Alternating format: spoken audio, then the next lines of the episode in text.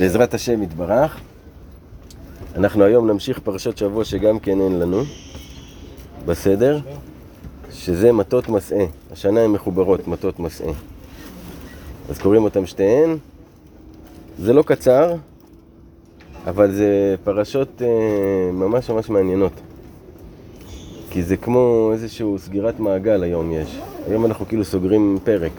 סוגרים למעשה את ספר במדבר. עכשיו, כל ספר בחמישה חומשים הוא נכתב מזווית אחרת. אם אתם זוכרים, בראשית זה כאילו מסמך היסטורי, תולדות העולם, מה קרה, איך התפתח, איך יצא זרע יעקב שהפך לישראל. שמות מתחיל בנקודה הזאתי, אבל כבר מתחיל לספר איך אנחנו נהיינו לעם ואיך יצאנו ממצרים ומתחיל כל מה שיש בספר שמות, קבלת התורה, כל החוקים, כל הדברים. לאחר מכן, ספר שלם לגמרי ששייך לכהנים. איך תהיה העבודה בבית המקדש, איך זה... זווית אחרת לגמרי. לאחר מכן מגיע ספר במדבר. ספר במדבר זה כאילו כל הקורות את עם ישראל 40 שנה שהם היו במדבר. אירועים חשובים שקרו להם, דברים שראוי שאנחנו נזכור שיהיו כתובים על ספר, דברים שהם השלמות גם לתורה, עוד מצוות, עוד עניינים, אבל הוא כתוב מזווית אחרת לגמרי, מזווית כאילו תיעודית של מקרים. לא כרונולוגיים. כן, לא כרונולוגי במיוחד, לא זה. עכשיו למעשה היום אנחנו מסיימים את זה וזה מעין אה, סיכום. ולאחר מכן מתחיל ספר דברים. שספר דברים זה שמשה רבנו עליו השלום עלה להר בשביל להסתלק, הקיל את כל העם ועשה להם סיכום וחזרה על כל מה שהיה לפני שהוא בעצם עולה להסתלק מהעולם, עשה איתם חזרה על כל מה שהיה. זה ספר דברים. ואז בירך אותם. ועלה להסתלק וזה. אז כל ספר הוא בא מזווית אחרת. אז היום יש לנו פה הרבה דברים מעניינים. בשיעור יהיה לעילוי נשמת אבא של חן, שאני לא יודע את השם שלו, שנפטר אה, אתמול, מנוחתו עדן, זה- זאת שעובדת אצלי. פתאום אה, נשמעת מרים בצמחה גם. מירי בצמחה, נשמעת מכלוף בן זוהרה. מכלוף בן זוהרה, רפואת כל חולי עם ישראל. אז אה, היום שמעתי ממש רעיון יפה על הפרשה הזאת. בעצם הפרשה, פרשת מטות, מתחילה בנושא של נדרים. ומה שהוא למד כאן, הרעיון שהוא הביא מהעניין של נדרים, סיפר איזה סיפור מאוד יפה על מישהו כזה שהיה לא יוצלח, מישהו שהיה איתו בכיתה שהיה לא יוצלח. כאילו, אתה יודע שאף אחד לא האמין בו שיצא ממנו משהו, ובאיזה כיתה י' עזב את בית ספר, נעלם. בקטע שכאילו זה הזיכרון שיש לך ממנו, שהוא לא הצליח בשום דבר. אחרי איזה עשרים שנה, מגיע אליו, אל הרב הזה, איזה מישהו ש... שאמר לו, תשמע, אותו פלוני אמר לי לחפש אותך ולבוא לספר לך. שהוא הציל את החיים שלי, והוא, מה שהוא עוסק עכשיו, זה להציל אנשים אה, עצובים. הוא סיפר לו, הייתי בכותל, ואני לבד, אין לי אבא, אמא, אין לי אף אחד, ולא היה לי כבר מה לעשות, הלכתי לכותל, בכיתי, בכיתי, בכיתי. ותוך כדי שאני בוכה, אני מרגיש שמישהו יושב לידי וכאילו, ומסתכל ומחכה. ואז הוא, כשהוא סיים לבכות, אמר לו, תגיד, אה, אולי אני יכול לעזור לך במשהו. כאילו, אני רואה שעובר עליך הרבה דברים וזה. והוא אמר לו שהוא הציל את החיים שלו באותו רגע. ושזה מה שהוא עושה בעצם, מציל אנשים. אז הוא אמר לו איזה יופי וזה, אבל אני זוכר אותו לא יוצלח, איך הוא הפך להיות כזה וזה. בקיצור, יצר איתו קשר, הוא בא אליו.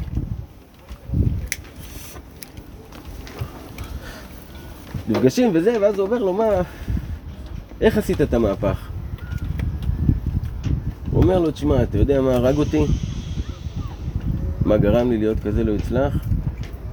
מילים. מילים שהמורים היו אומרים לי בבית ספר, שאני מפריע, שאני זה, שאני זה. וכל הזמן הייתי שומע כמה אני לא טוב. והקש ששבר את גב הגמל זה היום שברחתי ועזבתי, זה שההורים שלי אמרו לי שהם מתביישים בי ושאני לא שווה כלום ושאני עושה בושות למשפחה. הוא אומר, עם השנים הבנתי מה הכוח של מילים. כל הזמן מזהירים אותנו, תיזהר, אתה יכול להרוג עם הלשון שלך, מזהירים תמיד מהצד השלילי של מילים. אבל, מה עם הצד החיובי של מילים? איך הוא יכול לחיות בן אדם? מילים טובות זה ממש, אתה משקה בן אדם, אתה, אתה ממש רואה אותו לאט לאט פורח ומתנפח. רבנו אומר, טוב, כולם חפצים לשמוע. אז הוא אומר, מאז אני קיבלתי על עצמי לחפש אנשים ולדבר אליהם טוב. פשוט להגביה את רוחם, לעודד אותם, לדבר אליהם טוב, להגיד להם כמה הם שווים, להחזיר אותם לאמונה שלהם בעצמם, בכוח המילים.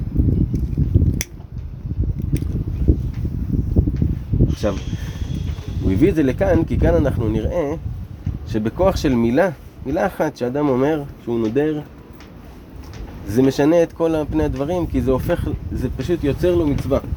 רבי נתן כותב שנדר זה משהו שהקדוש ברוך הוא עשה, שאנחנו יכולים תמיד ליצור לעצמנו מצווה חדשה. זאת אומרת, ברגע שאדם נדר שהוא לא יעשה משהו, הוא הפך לעצמו מצוות לאו. לי הדבר הזה אסור.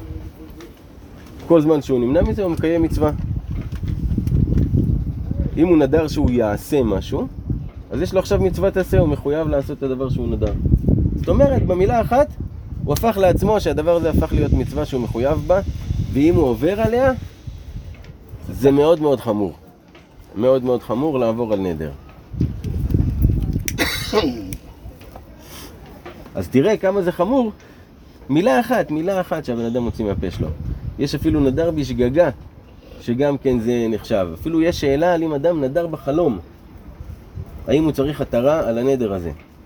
עד כדי כך, נדר זה דבר שהוא חמור, והוא כולו מתבטא במילה. כמה המילים הן חשובות לבחור איך לנסח את המילים שאתה מוציא מהפה, שהם יוציאו ריח טוב מהבן אדם שמולך. את אותו דבר שאתה רוצה להגיד, אתה צריך להשקיע מחשבה איך להביא אותו בצורה שזה יוציא ממנו ריח טוב, יוציא ממנו את הטוב שלו. מרי נתן רחוב. ירדי נתן רחוב, בדיוק. זה התוכחה של משה רבנו שהוא ידע לעשות את הדבר הזה. אבל גם כל אחד מאיתנו צריך לשים שכל כשהוא מדבר, איך לדבר ולהוציא את זה בטוב. ואם יש לך משהו טוב להגיד, ישר תגיד אותו, איך שהוא יוצא בפה שלך שיצא, אם זה משהו טוב. אם זה משהו שלילי, שתוק. תחשוב עם עצמך איך לנסח את זה אחרת, או תסתכל, תתבונן פנימה, או כל מיני דברים. אז מילה.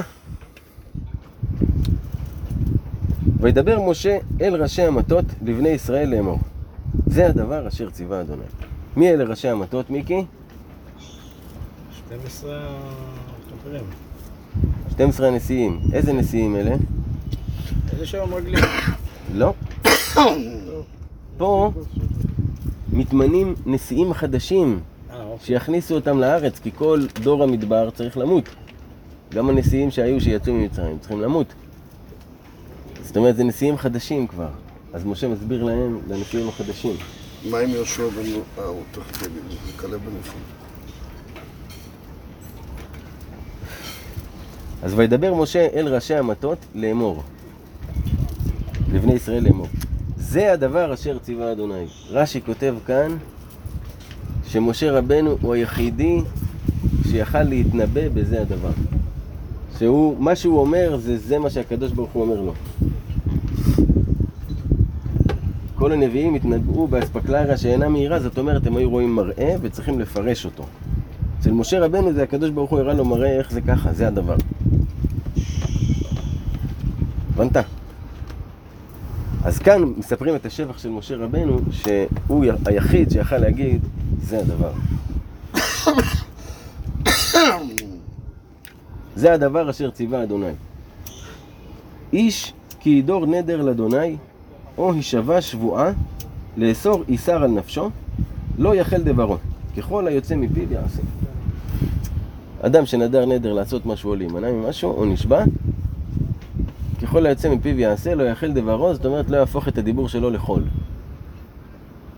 אז מכאן אנחנו רואים שבכלל יש איזשהו סוג של אה, אה, איסור להפוך את הדיבור שלך לחול. בין אם זה במילים, בין אם זה ב... בסתם להוציא מילים מהפה, שזה כאילו חול מבחינתך, זה כלום, אז אתה מוציא הרבה. או כל דבר שיכול להפוך את השפה שלך לחול ולא לקודש.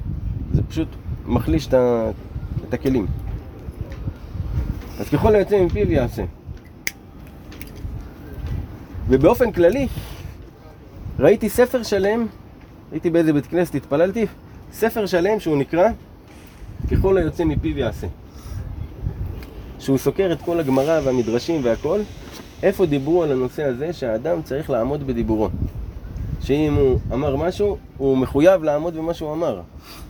זה לא אופציה, זה חיוב. אם ככל היוצא מפיו יעשה, אדם מוציא משהו מהפה שלו, צריך לעמוד מאחוריו. צריך לקדש את אתה הכלי. לא רוצה, אל, אל תוציא מהפה. איפשהו אתה צריך להתאמץ, יענו, או בלפני לא להוציא, או אם הוצאת, תעשה מה, שתצא, מה שהוצאת. או ביום כיפור התרת נדר. תחשוב, פעם היה... עסקים אפילו היו נסגרים במילה, הבן אדם נתן מילה. היה איזה סיפור עם איזה גם קצב, היום. משהו, מה זה היה? גם היום הסכם שבעל פה זה תופס. אם הוא נתן מילה זה יכול לתפוס בבית משפט. יפה, אז מילה אנחנו רואים שזה דבר חזק. ואישה כי תדור נדר לאדוני, ואסרה איסר. עכשיו אם אישה נדרה נדר, אם היא בבית אביה בנעוריה, זאת אומרת לפני שהיא התחתנה, ושמע אביה את נדרה ואסרה אשר אסרה על נפשה, והחריש לה, והחריש לה אביה, וקמו כל נדריה וכל איסר אשר אסרה על נפשה יקום. אם אבא שלה שמע את זה, והחריש ולא התיר את זה, כל מה שהיא אמרה היא חייבת לקיים. ואם הניע אביה אותה ביום שומעו כל נדריה ואסריה אשר אסרה על נפשה, לא יקום, ואדוני יסלח לה כי הניע אביה אותה. אם אבא שלה התיר לה את זה ואמר לה עזבי את אה, סתם עכשיו אה, נודרת, היא לא חייבת לקיים כי אבא שלה פטר אותה מזה. ואם היו תהיה לאיש, ונדריה עליה, ונדריה עליה או מבטא שפתיה אשר אסרה נפשה.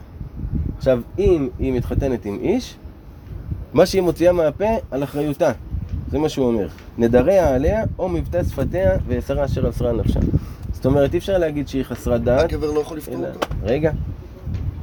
נקודת המוצא, אם היא מוציאה משהו מהפה, היא צריכה לקיים אותו. זה על אחריותה.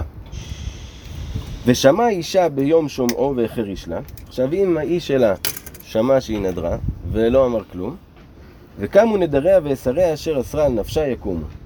היא צריכה לקיים את הנדר שלה, אם הוא לא הפר את זה. ואם ביום שמוע אישה יניא אותה, והפר את נדריה אשר עליה ואת מבטא שפתיה אשר אסרה על נפשה, ואדוני יסלח לה. ועם מה?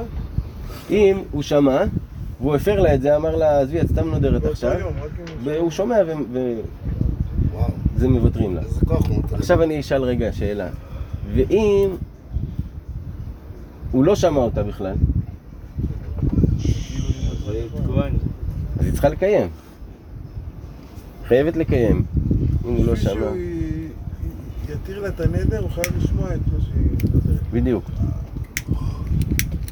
יופי שנותנים. לאבא ולבעל לעשות ברור לדעת האישה. כי לפעמים נשים דעתן קלה, בפרט בנושא של להוציא מילים מהפה. אז uh, לוקחים את זה בחשבון, סוף כל סוף היא ברת דעת, היא צריכה לשים לב מה היא מוציאה, אבל מצד שני, גם לפעמים אישה מוציאה מהפה דברים. אפילו התורה מבינה שאישה נותנת זה שאני אישה. לא מתקשרת אליי יותר, די, ממי, הכל טוב, תשחררי. הכל בדיוק, בדיוק, בדיוק, בדיוק כזה. בול.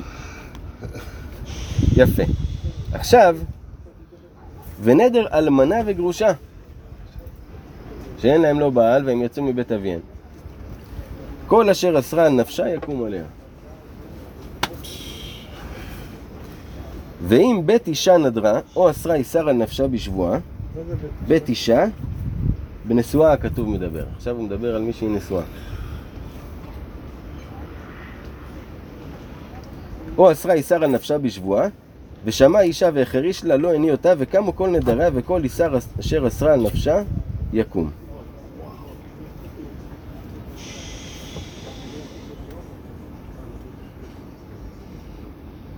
אה, אבל מה הוא יכול להפר הבעל? לא את כל הנדרים, אלא נדרי עינוי. מה זה נדרי עינוי? שהיא אומרת אה, שהיא לא תאכל בשר יותר, או שהיא תתענה במשהו מסוים. או שהיא אוסרת על עצמה משהו. אבל אם היא נדרה להביא משהו, או... בבקשה, הוא לא מעורב. כן, אז הוא לא, לא יכול להתיר לה את זה. זה כבר על, על שפתיה.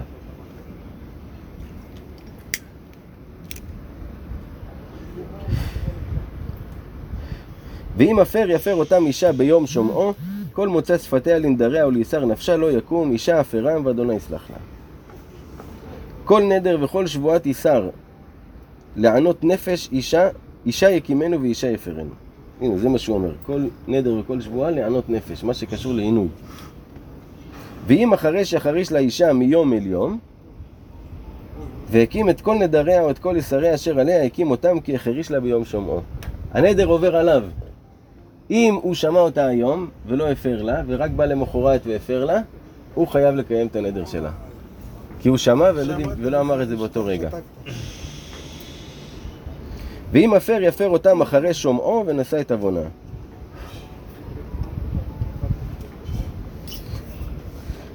אלה החוקים אשר ציווה אדוני את משה בין איש לאשתו, בין אב לביתו, בין אוריה בית אביה. זאת אומרת, תחשוב, אם התורה טורחת לציין דבר כזה, אז כנראה שזה היה מצוי. זה היה מצוי, זאת אומרת, השיח שבין בעל לאישה, מה קורה שם? השיח בין בת ל- ל- לאבא שלה, מה קורה שם? אל תתעלם, הוא אומר לך, אל תתעלם. גם אתה אל תתעלם, גם את אל תוציא סתם דברים מהפה שלך. זאת אומרת, זה, שמים פה איזשהו, משפיע על כולם. איזה שהם גבולות או איזושהי הדרכה של איך השיח יהיה ושצריך לעמוד בדיבור שלך אם לא הייתה הפרה. אותה אישה, אם את הבטחת משהו, זה כמו נדר, זה כמו שבועה שאדם מבטיח. בגלל זה תמיד אומרים בלי נדר. אז אתה בא ואתה אומר לה, לא הפרתי לך, ועכשיו זה בא אליי, מה את עושה? נו, כאילו, כן. שתקתי לך, שמחתי עלייך. האמת, כתוב, אה, שלמה המלך משבח אה, את הנודר ומקיים, ומגנה את מי שנדר ולא קיים, ובסוף הוא אומר, וטוב משניהם אשר לא ידור כלל. יותר טוב משניהם שלא ידור בכלל, שלא יתעסק עם הנושא הזה. כי יש על זה באמת עונשים קשים ומרים שמתוארים ספציפית על אדם שנודר ולא מקיים. אבל יש תורה לרבי נחמן, שהוא אומר שם שזה נכון, שעדיף שלא תדור בכלל, אבל יש סגולה מיוחדת בנדר ולקיים אותו. אז רבנו הייתה לו הנהגה שהוא היה נודר משהו ומקיים אותו מיד. היה נודר נגיד שהוא נותן חמש שקל לצדקה. ישר נותן את זה, מקיים את הנדר שלו. הייתי יודע, אני הולך לשים את השלוש האלה, שלוש כסף לצדקה, הייתי אומר, אני נודה לשים את הכסף לצדקה ושם. בדיוק. זה רבנו אומר, מחזיר לאדם את האמונת חכמים. יש לו תורה שלמה שהוא מסביר איך זה קורה, אני לא זוכר. אבל התוצאה של זה שהאמונת חכמים אה, מתחדשת אצלו. ומה, למה אנחנו צריכים אמונת חכמים? בכמה תורות שצריך ללמוד. כי... שנוכל ללמוד. לא רק שנוכל ללמוד, אמונת חכמים היא משולה בדיוק לאמונה בהשם. הם שתיים, תמיד יש שתיים. באיזה תורה זה? השבוע? רגע. לעלות לדעת צריך אמונת חכמים. רגע, תהיה איתי. הם שתיים, כשם שיש אמונה בהשם, והאמינו בהשם ובמשה עבדו. זה שהאדם יש לו חכם שהוא מאמין בו, זה מתנה גדולה מאוד מאוד משמיים. כי ברגע שיש לאדם חכם שהוא מאמין בו, הוא כבר סומך על דעת החכם. אז משמיים נותנים לחכם את הכוח איך להנהיג את אה, אלה שסומכים עליו, את אלה שמאמינים בו. הבנת? לכן זה דבר שצריך לזכות בו, כי ברגע שיש לך חכם שמוליך אותך, ניצחת. יש לך מישהו שמראה לך, רגע, בצד הזה תעשה ככה, יותר טוב לך. אתה מבין? אבל בשביל זה אתה צריך להאמין בחכם הזה. כל הבעיה שלנו היום שאנחנו לא מאמינים בחכמים. סבבה עד כאן? וידבר אדוני אל משה לאמור. עכשיו אנחנו חוזרים לאיפה שהיינו. לנקודה אחרי בלעם והסיפור עם מדיין וכל הבלגן שהיה שם. נקום נקמת בני ישראל מאת המדיינים, אחר תאסף אל עמך. קודם כל, לפני שאתה תאסף, לך תנקום מהמדיינים. על מה לנקום בהם? המדיינים, למה לא לנקום במואבים? למה הוא לא אמר לך תנקום במואבים רק במדיינים? כי המואבים הם פעלו מתוך פחד, הם ידעו שעכשיו עם ישראל הולך לעבור דרך שם ולכבוש אותם, אז הם פחדו. אבל המדיינים התערבו בריב לא להם. סתם מתוך שנאה לישראל הם באו והצטרפו לעזור למואב. ולא רק זה, הם גם הפקירו את הבנות שלהם. כאילו עד כדי ככה שנאה גדולה. אז אמר לו, לך תנקום מהמדיינים. וידבר משה אל העם לאמור, החלצו מאיתכם אנשים לצבא, ויהיו על מדיין לתת נקמת אדוני במדיין. משה רבנו אומר לעם ישראל, תחלצו כאילו תצאו חלוצים, ללכת להילחם במדיין עכשיו, לנקום את נקמת השם. אלף למטה, אלף למטה, לכל מטות ישראל תשלחו לצבא. אלף מכל שבט תשלחו לצבא. אלף למטה, אלף למטה, לכל מטות ישראל תשלחו לצבא. וימסרו מאלפי ישראל אלף למטה, 12 אלף חלוצי צבא. כתוב מעיד, נמסרו 12 אלף. תחשוב, זו מלחמה כאילו אנשים מתייצבים עכשיו לנקום, זה לא סתם... אה, לא היה לנו עדיין כזה. וישלח אותם משה אלף למטה לצבא, אותם ואת פנחס בן אלעזר הכהן לצבא, וכלי הקודש והחצוצרות התרועה בידו. תחשוב, אלעזר הכהן הגדול, יוצא בראשם, עם כל כלי הקודש, עם כל הלבושים וכל הכלים הקדושים, והחצוצרות יוצאים ככה. ככה אנחנו יוצאים למלחמה. בשם השם לגמרי יוצאים למלחמה. ויצבעו על מדיין כאשר ציווה אדוני את משה ויהרגו כל זכר. עשו בהם, הרגו את כל הזכרים של מדיין. ואת מלכי מדיין הרגו על חלליהם את אבי ואת רקם ואת צור ואת חור ואת רבע, חמשת מלכי מדיין. ואת בלעם בן באור הרגו בח- בחרב. רש"י כותב למה מציינים פה שהרגו אותו בחרב? בגלל שאמרו לו, רשע, אתה חשבת לבוא עלינו באומנות שלנו, בכלי שלנו? הכלי שלנו זה הפה. אתה חשבת לבוא עלינו בלקלל אותנו? אז אנחנו נהרוג אותך בכלי שלך. כי עליהם נאמר על חרבך תחיה. אז הרגו אותו בחרב דווקא, זה סמלי. שבכלי שלו הרגנו אותו. הוא ניסה להרוג אותנו בכלי שלנו ולא הצליח. וישבו בני ישראל את נשי מדיין ואת טפם ואת כל בהמתם ואת כל מקנה ואת כל חילם בזזו. שבו, לקחו את השבי, את הנשים ואת הטף ואת הבהמה ואת המקנה ואת כל העושר והכל בזזו מהם. הבנתם? הרגו את כל הזכרים ואת כל השאר לקחו לעצמם, הביאו אל משה. רגע, סליחה, אני חייב לשאול שאלה במצב הזה. בבקשה. הרי בעתיד, שופטים לצורך העניין, נתקלים עוד פעם במדיין. לא נעלמים, ופה זה נראה כאילו זהו, הכחידו אותם, אין מדיין. מתי נתקלים במדיין, מיקי? אני לא זוכר, אבל אני חושב שכן נתקלים במדיין. אני לא זוכר דבר כזה. כן, כן, כן. שופטים יש איפשהו, אחד העמים שם, אה, קמים עלינו לרעה. אתה תצטרך להביא לנו ראייה לזה. ואז נוכל לענות על זה. נשארו אנשים, אבל הם הפכו אותם לשפחות וזה... בכל מקרה, רגע, מיקי, אתה מקדים את המאוחר, אתה קופץ זכרים. מעל הפופיק. ואת כל עריהם במושבותם ואת כל טירותם שרפו באש. את כל הבתים שלהם והכל שרפו באש, לא השאירו כלום. ויקחו את כל השלל ואת כל המלכוח באדם ובבהמה, ויביאו אל משה ואל אלעזר הכהן ואל עדת בני ישראל את השבי ואת המלכוח ואת השלל אל המחנה, אל ערבות מואב אשר אל ירדן ירחו. הביאו את הכל אל משה. מלמד אותך שהם היו צדיקים. הם לא הלכו וגנבו כל אחד לעצמו, הכל לא חסר כלום, הכל הביאו אל משה לראות מה יעשו. זאת אומרת, בתום לב הם עשו את זה. ויצאו משה ואלעזר הכהן וכל נשיאי העדה לקראתם אל מחוץ למחנה. ויקצוף משה על פקודי החיל שרי האלפים ושרי המאות הבאים מצבא המלחמה. משה ראה את זה. כעס. זה אחד מהמקרים הבודדים שמשה כעס. ויאמר עליהם משה, החייתם כל נקבה. הן הנה היו לבני ישראל בדבר בלעם למסור מעל באדוני על דבר פאור ותהיה מגפה בעדת אדוני. מה החייתם את כל הנקבות? הרי הם אלה שבגללם מתו כל ישראל במגפה, הנה, זאתי הייתה עם ההוא שמת במגפה, זאתי הייתה עם זה. רואים אותם, את אותם בנות שהיו איתם. אומר להם, מה עשיתם? החייתם את כל הנקבות שבגללם אנחנו מתים? הוא ציפה שהם יהרגו אותם, שהם יבינו את זה.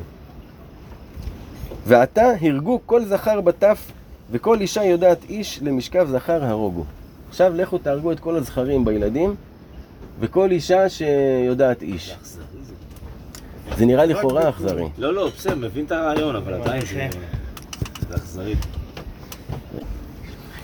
איווה. וכל הטף בנשים אשר לא ידעו משכב זכר, אך היו לכם. זאת אומרת, כל הנשים הילדות שלא ידעו זה, אתם יכולים להשאיר. בשבילכם. ואתם חנו מחוץ למחנה. אה, עכשיו רש"י כותב, על מי הוא קצף? על שרי הפקודים, על השרים, לא על החיילים. ללמד שהכל תלוי במנהיגים. הוא לא בא וכעס על החיילים, כעס על המנהיגים. ואתם חנו מחוץ למחנה שבעת ימים, כל הורג נפש וכל נוגע בחלל תתחטאו, ביום השלישי וביום השביעי אתם ושביכם. עכשיו כל מי שהרג מישהו והיה במלחמה ועסק בדם וזה, שבע ימים צריך להיות מחוץ למחנה עד שהוא יטהר. וביום השלישי וביום השביעי הוא צריך ל- לטבול. רואים שיש לו איזה תהליך שהוא צריך לעבור של טהרה. ויצא לי לחשוב על העניין הזה של הימים של טהרה, שיש גם לאישה, גם. בזמן בית המקדש, היה משהו שצריך שלוש ימים, משהו שצריך שבוע, טבילה באמצע, זה מין תהליך כזה לטהרה. וחשבתי על זה שכל הדבר הזה הוא מלמד אותך סבלנות ולהיות כאילו רגע בתוך משהו עד שאתה תהיה טהור. אתה לא יכול כבר ביום למחרת להיות טהור, צריך שיעבור זמן. לתת לזמן את הכבוד הזה ש, של אה, לעבור. אנחנו כל הזמן רוצים שמשהו ימלא לנו את הזמן. ומה זה אומר? זה אומר שאנחנו רוצים להיות כאילו במודעות ערה על כל רגע. אבל לא תמיד צריך להיות במודעות ערה על כל רגע. צריך לפעמים לתת לזמן כזה, להתמסר אליו כאילו פשוט ולתת לו. כי אין מה לעשות, התהליך שאתה צריך לעבור הוא תלוי זמן. אתה מבין? כמו פרדות למיניהם. גם שם נתנו לנו את, את המידה שלוש ימים ראשונים, אחר כך שבעה, אחר כך שלושים, אחר כך השנה, לאבל. זאת אומרת, זה דברים שיש בהם זמן, אין מה לעשות, הזמן מרפא. אז בשביל זה צריך לא כל הזמן להיות עסוק ולחפש משהו של למלא בו את הזמן ואיזה גירוי למוח או גירוי לזה, או להחזיק את הטלפון ביד, או כל מיני דברים כאלו.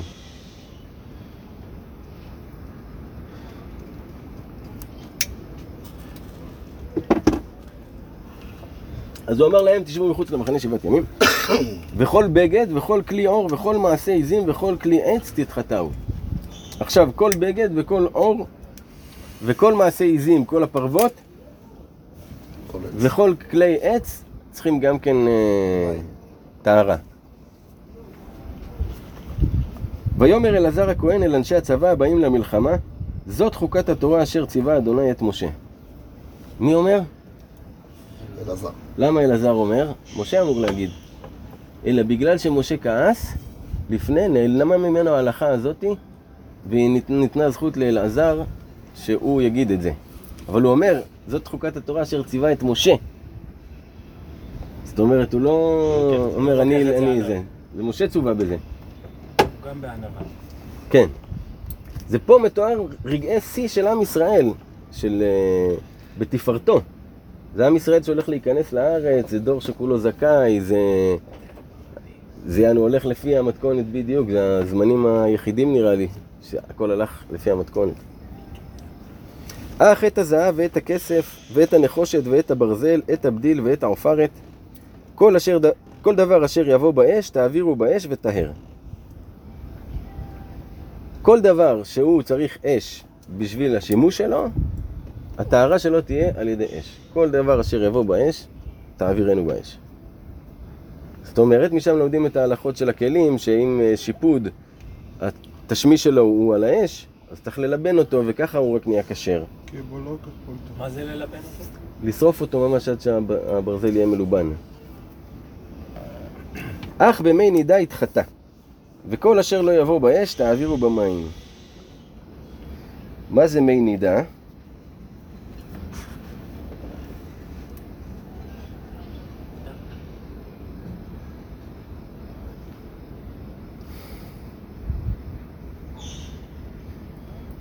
לא יודע להגיד. וכיבסתם בגדיכם ביום השביעי ותיארתם ואחר תבואו אל המחנה. זאת אומרת, כל התהליך הזה צריכים לעבור בשביל שהם יוכלו לחזור חזרה אל המחנה. מה יש במחנה, מיקי? עם ישראל. המחנה זה נקרא כל עם ישראל, שהשכינה שורה בתוכם. אי אפשר שהשכינה תהיה, שיהיו בתוך המחנה, בתוך העיגול הזה, שיהיו דבר, דברים לא טהורים, או... תחשוב, כולם בטהרה, כולם לפי... כולם נקיים, דור שכולו זכאי. יפה, אחרי הסיפור הזה. ויאמר אדוני אל משה לאמור, שא את ראש מלכוח השבי באדם ובבהמה, אתה ואלעזר הכהן וראשי אבות העדה. מה זה שא את ראש? תספור לי. תספור לי כמה יש בכבשים, כמה יש בעזים, כמה יש בכל דבר. מה השלל? וחצית את המלכוח בין תופסי המלחמה היוצאים לצבא ובין כל העדה. חצי מכל מה שיש אתה נותן ללוחמים, למי שיצא לצבא, וחצי אתה מחלק בין כל שאר העם. וואו, איזה חלוקה הוגנת. איזה חלוקה הכי יפה שיש. וערמות מכס לאדוני. אבל כל אחד צריך לתת מכס להשם, שהוא גם על הטוב שפתאום עכשיו הוא קיבל, הוא צריך לדעת לחלק את זה גם לתת. מאת אנשי המלחמה יוצאים לצבא, אחד נפש מחמש המאות, מן האדם ומן הבקר ומן החמורים ומן הצור. אחד לחמש מאות, זה מה שהם צריכים לתת. לא יודע כמה היה להם המלכוח עד כדי כך שהם צריכים לתת אחד מחמש מאות. היוצאים לצבא. למי הם נותנים את זה? ממחציתם תיקחו ונתת לאלעזר הכהן תרומת אדוני.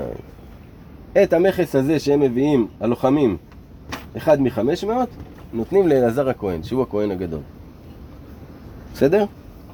וממחצית בני ישראל תיקח, אחד אחוז מן החמישים, מן, הב... מן האדם, מן הבקר, מן החמורים ומן הצור ומן הצאן, מכל הבהמה, ונתת אותם ללוויים שומרי משמרת משכן אדוני. ומהמחצית שיש לשאר עם ישראל, תיקח אחד מחמישים ותיתנו ללוויים. כי הרי הם מתפרנסים רק מה, מהעם. תראה איזה חלוקה יפה.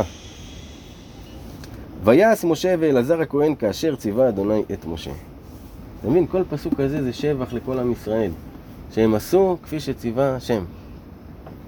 ויהי המלכוח, יתר הבז אשר בזזו עם הצבא, צאן שש מאות אלף ושבעים אלף וחמשת אלפים. זה הצאן. ובקר שניים ושבעים אלף. וחמורים אחד ושישים אלף. ונפש אדם מן הנשים אשר לא ידעו משכב זכר, כל נפש שניים ושלושים אלף. ויהי- ותהי המחצה, חלק היוצאים בצבא, מספר רצון, שלוש מאות אלף ושלושים אלף ושבעת אלפים וחמש מאות. עשו חבילה. כן. ויהי המכס לאדוני מן הצאן, שש מאות חמש ושבעים. והבקר שישה ושלושים אלף, ומכסם לאדוני שניים ושבעים.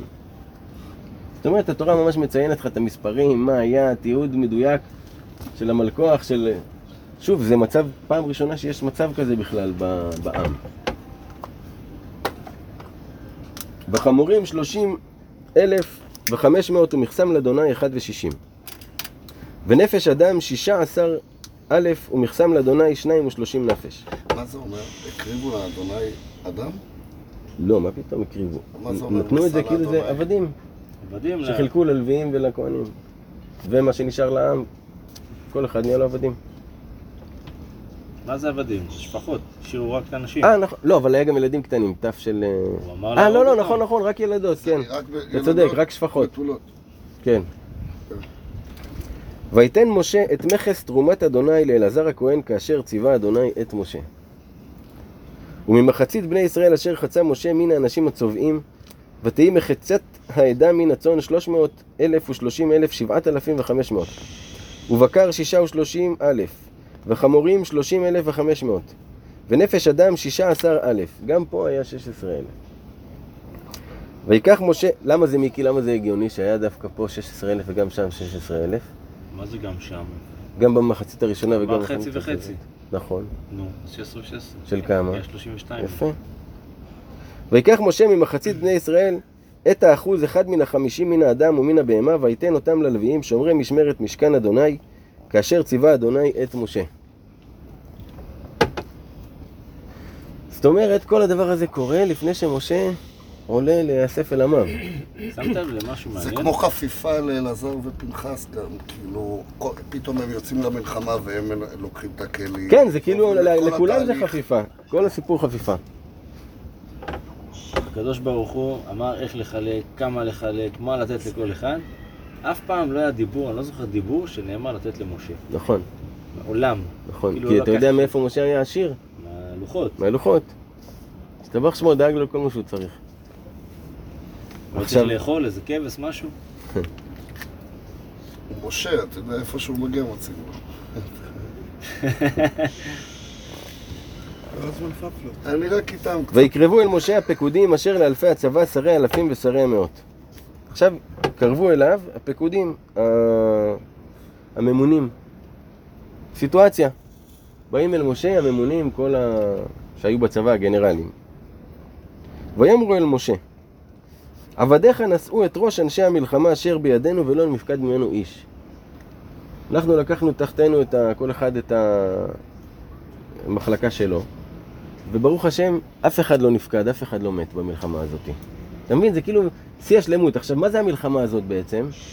זה תרגיל רטוב על מה שהולך להיות כשהם הולכים להיכנס לארץ ישראל, הרי שם הם אמורים להשמיד את כל העממים. זה סוג המלחמה שהולך להיות, הולך להיות להם אה, שלל, הולך להיות להם זה. זו, זה סוג החלוקה שהולכת להיות. זה כאילו תרגיל רטוב לפני הדבר האמיתי. על איך מנצחים מלחמה מהסוג הזה. תעשו את זה, וזה יקרה. ונקרב את קורבן אדוני איש אשר מצא כלי זהב, הצעדה וצמיד טבעת עגיל וכומז לכפר על נפשותנו לפני אדוני. אומרים לו, תשמע, ברוך השם החזרנו את כולם בשלום, אנחנו רוצים להקריב מתנה להשם ב- כתודה. מה אנחנו הולכים להקריב? כל איש אשר מצא כלי זהב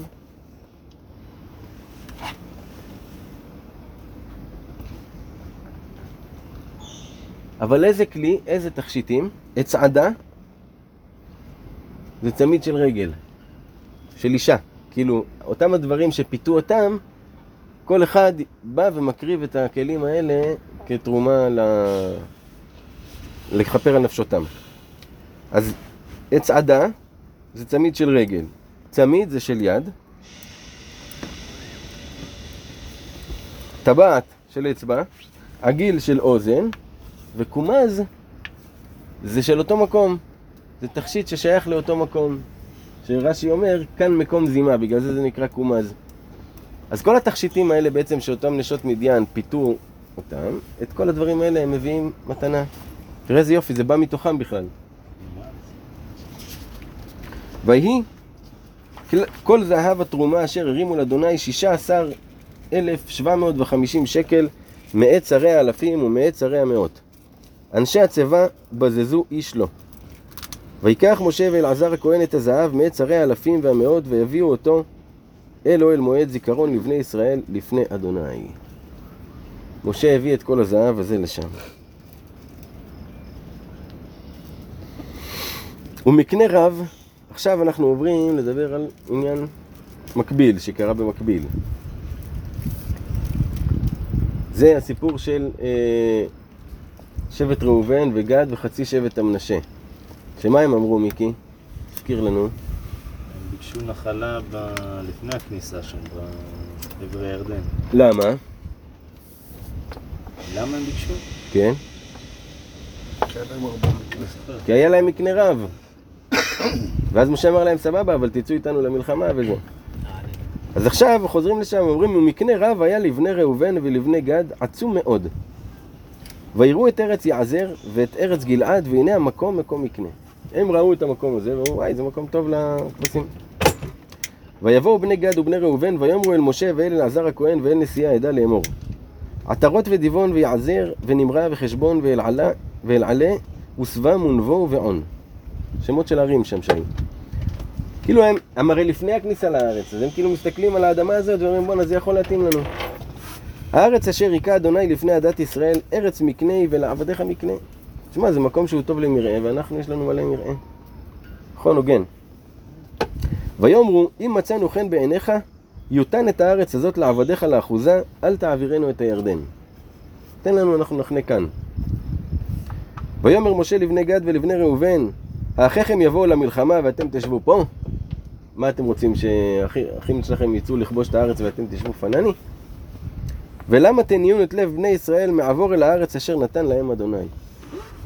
אם הם יראו אתכם יושבים ככה, הם יגידו, רגע, מה קורה? כל אחד מחפש לו רק את השקט שלו? מה, אתם תחלישו להם את הלב. כולם הולכים עכשיו כאיש אחד. כה עשו אבותיכם בשלחי אותם מקדש ברנע לראות את הארץ. ככה עשו המרגלים שהם החלישו את לב העם. מה, אתם רוצים גם לעשות דבר כזה? בגלל זה הלכנו 40 שנה במדבר, אתם נורמלים? ויעלו עד נחל אשכול ויראו את הארץ ויניעו את לב בני ישראל לבלתי בוא אל הארץ אשר נתן להם אדוני. ויחר אף אדוני ביום ההוא וישבע לאמור. משה מזכיר להם. אם יראו האנשים העולים ממצרים מבין עשרים שנה ומעלה את האדמה אשר נשבעתי לאברהם, ליצחק וליעקב, כי לא מילאו אחריי. הוא אומר להם, בגלל הדבר הזה, השם יתברך הרג את כל יוצאי מצרים, חוץ מבלתי כלב בן יפוני הכניזי ויהושע בן נון, כי מילאו אחרי אדוני. הם השניים היחידים שיצאו ממצרים ונכנסו לארץ ישראל. היחידים. בזכות שהם הצליחו בחטא המרגלים לא ליפול שם. ויחר אף אדוני בישראל, ויניעם במדבר ארבעים שנה עד תום כל הדור העושה הרע בעיני אדוני. זה, כל, זה מתאר להם מה שהיה. והנה קמתם תחת אבותיכם תרבות אנשים חטאים לספות עוד על חרון אף אדוני אל ישראל? תרבות אנשים חטאים זה כאילו את מה אתם למדתם מהם איך להתנהג ואתם רוצים לעשות לנו את אותו דבר עכשיו? כאילו משה ממש יצא עליהם על העניין הזה.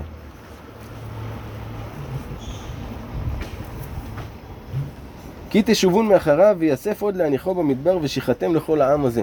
אתם עוד מסוגלים לגרום לנו שעוד 40 שנה אנחנו נלך. ויגשו אליו. ויאמרו, גדרות צאן נבנה למקננו פה וערים לטפנו. ואנחנו נחלץ חושים לפני בני ישראל עד אשר אם הביאונום אל מקומם וישב טפנו בערי המבצר מפני יושבי הארץ. לא נשוב אל בתינו עד יתנחל בני ישראל איש נחלתו. אומר, אומרים לו, תשמע, אנחנו נבנה כאן את המקום שלנו, נשאיר את הנשים והטף, ואנחנו נצא הראשונים לפני בני ישראל, נחלץ חושים, ונילחם איתם עד שאנחנו נביא אותם לניצחון, עד שכל אחד יהיה במקומו, ואז אנחנו נחזור לנחלה שלנו. תראה איזה גברים. כי לא נלחל איתם מעבר לירדן והלאה, כי באה נחלתנו אלינו מעבר הירדן מזרחה. כי אנחנו לא נלחל בארץ, אנחנו, זה יהיה החלקה שלנו.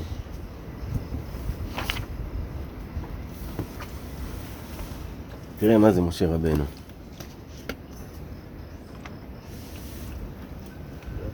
רגע, אני בודק עם השם.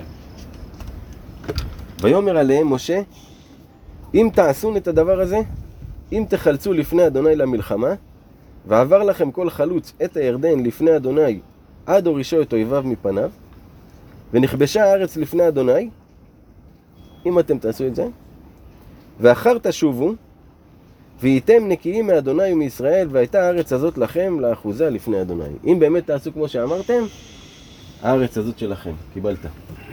תראה, משה אנו דיבר אליו ב... בצורה היפה של זה, כאילו, הביא לו פתרון שאפילו עוד יותר מוציא את הכל יותר טוב. עד עולם הוא אמר? כן, זאת תהיה הנחלה שלהם. ואם לא תעשון, אבל אם לא תעשו, אם כאילו אני נותן לכם ואתם בסוף לא תעשו, ואם לא תעשון כן, הנה חטאתם לאדוני, הודעו חטאתכם אשר תמצא אתכם. תדעו שיהיה לכם... המשך לנדרים מקודם. בנו לכם ערים לטפכם וגדרות לצונכם, והיוצא מפיכם תעשו. לכו תבנו את הגדרות והכל, ומה שאמרתם תעשו. שוב אנחנו חוזרים לעניין, היוצא מפיכם תעשו. לעמוד בדיבור שלך, מיקי. לעמוד בדיבור. וזה הכלל ברזל בחינוך ילדים. שהכן שלך יהיה כן, ושהלא שלך יהיה לא. אם משהו יצא מהפה שלך, תעמוד מאחוריו. ואז יהיה לך יותר קל, כי פשוט הם ידעו שכשאתה מדבר, אז זה, זה מה שצריך לעשות. פשוט הדיבור שלך יהיה חזק יותר. בלי לצעוק הוא יהיה חזק יותר. ויאמר בני גד ובני ראובן אל משה לאמור, עבדיך יעשו כאשר אדוני מצווה. טפנו נשינו מקננו וכל בהמתנו יהיו שם בערי הגלעד, ועבדיך יעברו כל חלוץ צבא לפני אדוני למלחמה, כאשר אדוני דובר. ויצב להם משה את אלעזר הכהן ואת יהושע בן נון ואת ראשי אבות המטות לבני ישראל. ויאמר משה עליהם, אם יעברו בני גד ובני ראובן איתכם את הירדן, כל חלוץ למלחמה לפני אדוני, ונכבשה הארץ לפניכם, ונתתם להם את ארץ הגלעד לאחוזה. עכשיו משה בא ומציג את זה לכל עם ישראל. אם הם יעשו כמו שהם אמרו והם נלחמים איתכם והכל, השטח הזה שייך להם. הוא צריך את ההסכמה של כל העם. ואם לא יעברו חלוצים איתכם, ונוחזו בתוככם בארץ כנען, ואם הם ינסו לא לעבור חלוצים ו... ולהשתלט לכם על נחלות בתוך ארץ כנען, ויענו בני גד ובני ראובן לאמור, את אשר דיבר אדוני אל עבדיך, כן נעשה. הנה שוב מה הם אמרו? נעשה. זה כמו שבועה, שוב פעם. אמרו נעשה, עכשיו חייבים לקיים את זה. אנחנו נעבור חלוצים לפני אדוני ארץ כנען, ואיתנו אחוזת נחלתנו מעבר לירדן. ויתן להם משה לבני גד ולבני ראובן ולחצי שבט מנשה בן יוסף את ממלכת סיחון מלך האמורי ואת ממלכת עוג מלך הבשן הארץ לעריה בגבולות ערי הארץ סביב. כאן התורה מעידה כי לאחר מכן העדות תהיה בספר יהושע כל נחלה שייכת למי. אבל בני גד ובני ראובן וחצי שבט המנשה פה בתורה כתוב איפה הנחלה שלהם. לפי מה שאני מבין מפה, תקן אותי אם אני טועה, זה כאילו בחלק הצפוני, כאילו מחוץ לירדן, לישראל, נכון? אני לא יודע צפוני להגיד. לכנרת כזה אפילו נשמע. אני לא, לא חושב, זה לא הגיוני שזה יהיה צפוני זה לא לכנרת. הגיוני לי, כי סיחון וזה היו יותר למטה זהו, זה- כביכול. אז זה השטח של סיחון וזה, זה השטח שהם אבל קיבלו. הם אמרו שם גלעד, הזה, זה יותר צפון, או שהיום לא בעצם. זה כבר לא... אולי זה בדיוק לא יודע. דרום הכנרת ומטה, בין דרום הכנרת לא, זה לא הגיוני שזה יהיה. דרום זה לא הכנרת, הם הגיוני, מגיעים כי הם מגיעים ממצרים. מלמטה, הם מגיעים ממצרים. אבל הם כבר עשו ככה, עוד מעט הם יהיו בירחו, ירדן ירחו, כאילו... יכול להיות, לא יודע, בקיצור אני לא יודע. זה מה שיש לי להגיד לך. ויבנו בני גד את דיבון ואת עטרות ואת הרוער. ואת עטרות שופן ואת יעזר ויגבהה. ואת בית נמרה ואת בית הרן ערי מבצר וגדרות צאן. ובני ראובן בנו את חשבון ואת אלעלה ואת קרייתיים ואת נבו ואת בעל מעון מוסבות שם ואת סבמה ויקראו בשמות את שמות הערים אשר בנו. זאת אומרת, הוא אמר לך מי בנה את מי והם שינו את השמות לשמות שיתאימו לנו. וילכו בני מכיר בן מנשה גלעדה וילכדוה ויורש את האמורי אשר בא. עכשיו בני מנשה היו צריכים ללכת להסתדר לבד אז הם הלכו להשתלט על, אה, על בני האמורי שם לקחת להם את החלקה שלהם. ויאיר בן מנשה הלך וילכוד את חבותיהם ויקרא את הן חבות יאיר. זה ממש מעניין למה הפסוק שעד הזה עצם כתוב. היום הזה משהו, נכון? כתוב על זה? יש חוות יאיר. הם כן. חוות העיר עד עצם היום הזה, כן, נכון? אה, אני חושב שיש, כן. ונובח הלך וילכוד את קנת ואת בנותיה ויקרא לה נובח בשמו. מי זה נובח? של... אה, מבני מנשה, מכיר ונובח, הם שני בני מנשה, זה חצי שבט המנשה. אומר לך, הם. היו צריכים כל אחד ללכת לכבוש לו... ברוך אדוני לעולם אמן ואמן. אבל זה רק פרשת מטות, אנחנו. נעשה הפסקה. אה? ואז נחזור למסעה. כי במסעה נגמר ספר אה, במדבר. מה קורה?